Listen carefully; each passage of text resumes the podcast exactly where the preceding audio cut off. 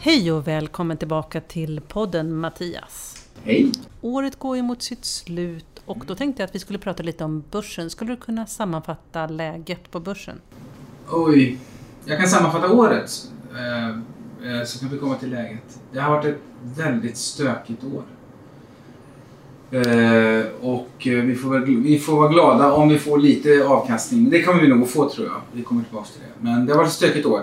Och det är kanske inte så konstigt därför att vi är eh, inne i en period där åtminstone en eh, och den viktigaste centralbanken stramar åt, nämligen Fed i USA.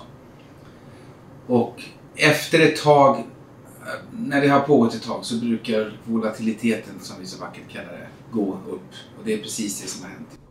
För det har varit ett extremt börsrally i USA, speciellt bland teknikaktier, men det har sett lite värre ut den senaste tiden. Ja, det blir inte så extremt börsrally i år. Eh, eller så, det, ja, vi får se vad som händer så att säga. Men, men vi har haft väldigt starka perioder, ja. Eh, men ju längre året led, även när det var som starkast, så var det egentligen till slut bara ett halvdussin amerikanska techaktier. Så det var en ganska tunn uppgång på slutet.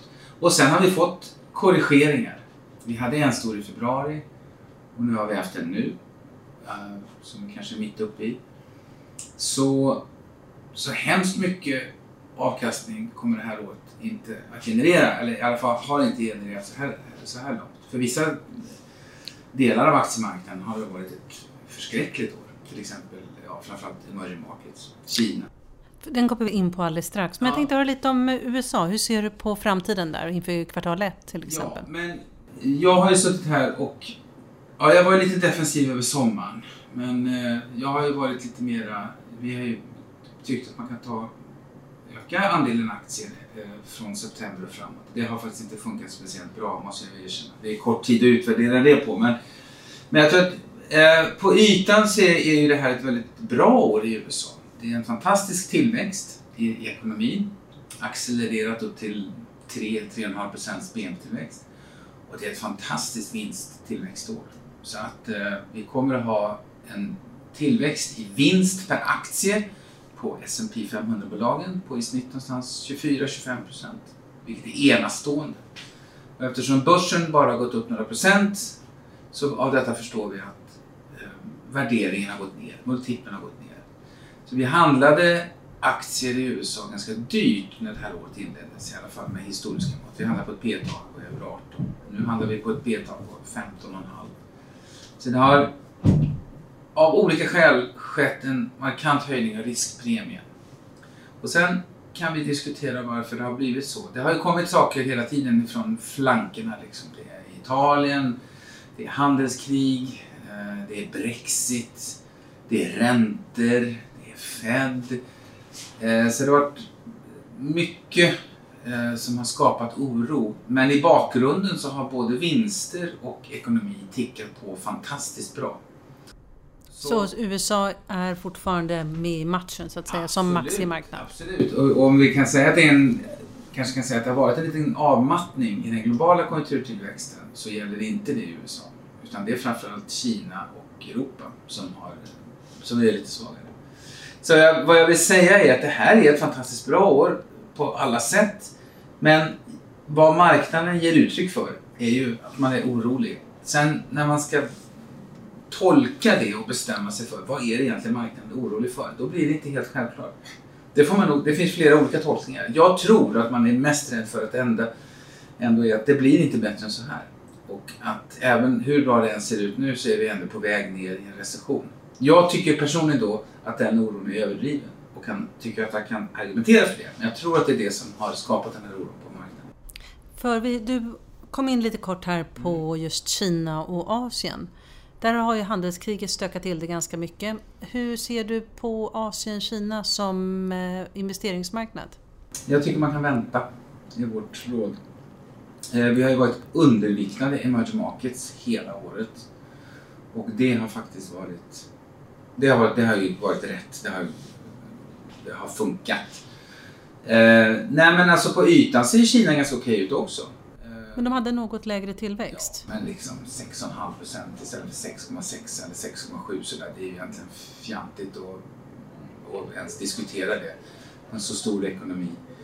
Det, det ser förvånansvärt stabilt ut. Det finns orostecken där också. Men min poäng är att det är inte alls så det ser ut om man tittar på marknaden, finansiella marknader. Utan valutan, när jag kollade nu, eh, då var ju valutan ner 8-9 procent. Plus att eh, aktierna är ner 20-25 procent. Så egentligen finns det en uppsida för den som... Ja, tids nog. Någon gång gör det ju det, absolut. Men eh, det är för tidigt, tror vi, att, att agera på det. Av lite olika skäl. Men så min poäng är hyggligt stabil ekonomi och jättestökigt eh, eh, på finansiella marknader. Och återigen, en enorm uppdragning av riskpremier. Det kan bero på två saker. Antingen på handelskriget, i den förklaring man tänker på först. Och så är det kanske.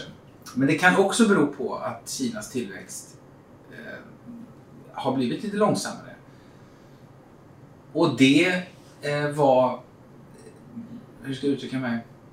Det kan vara bra. Alltså, det var ungefär det. För ett par år sedan så var de flesta människor oroliga för att Kina skulle växa för mycket och för snabbt och överhettas och att man växte på fel sätt och så. Nu växer man mera på rätt sätt och man växer långsammare och man har bromsat in kredittillväxt och sånt där. Så när Kina växer långsammare nu så vet vi inte heller där vad beror det på. Beror det på handelskriget eller beror det på att de faktiskt själva har kylt av ekonomin? Eh, vi vet inte det. Lite beror, nog handel, beror det nog på handelskriget. För nu har man börjat i Kina att gasa lite grann med små, ja, med en del selektiva åtgärder. Så man är lite orolig för tillväxten. Så jag tror att det kommer nog att bottna ur och se lite bättre, stabilare ut i Kina. Men det är nog lite för tidigt att agera på det. Så under kvartalet eller resterande av 2018 så bör man avvakta, tycker ja, du? vi tycker det. Mm. Om vi tittar på Sverige, det är några få handelsveckor kvar. Ja. Eh, vad tror du om den svenska börsen? Ja, alltså egentligen så man ju... Jag, jag, brukade, jag skojade i början av året att det här hade någon slags magkänsla av att det här blir nog ändå ett jobbigt år. Eh, och att eh, det kommer, jag, jag skojade om att det här blir säkert ett sånt där år när det hur, händer hur mycket som helst och man jobbar och sliter och, och tittar och skriver och sen så stänger börsen på plus en procent. Eh, sa jag lite på skämt, men det ser faktiskt nästan ut att bli så på allvar. Eh, Vad skiljer det sig från förra året till exempel? Nej, men jag, jag, vi, eh, jag tror faktiskt att vi är alla utsatta för ungefär samma finansiella cykel. Jag menar, det är inte några jättestora skillnader mellan vad som händer i Sverige mellan vad som händer i USA. Vi är alla del av samma globala finansmarknad och vi är alla ut, satta för ungefär samma så att säga, likviditetscykel. Den stora globala rörelsen det är ju att, som jag nämnde inledningsvis, att Fed stramar åt. Och vad som har hänt i Sverige är ju att till och med Riksbanken faktiskt har sagt att innan året är slut ska vi också strama åt, alltså höja räntan. Så vi är inne i en stor global rörelse där centralbankerna gradvis fasar ur det här stödet som vi haft med oss hela vägen sedan 2009 nämligen av eh, låga räntor och massor med likviditet. Det finns fortfarande massor med likviditet och räntorna är fortfarande jättelåga. Men det som är relevanta och som stressar folk, det är inte nivån utan det är förändringen. Och förändringen är liksom lite negativ.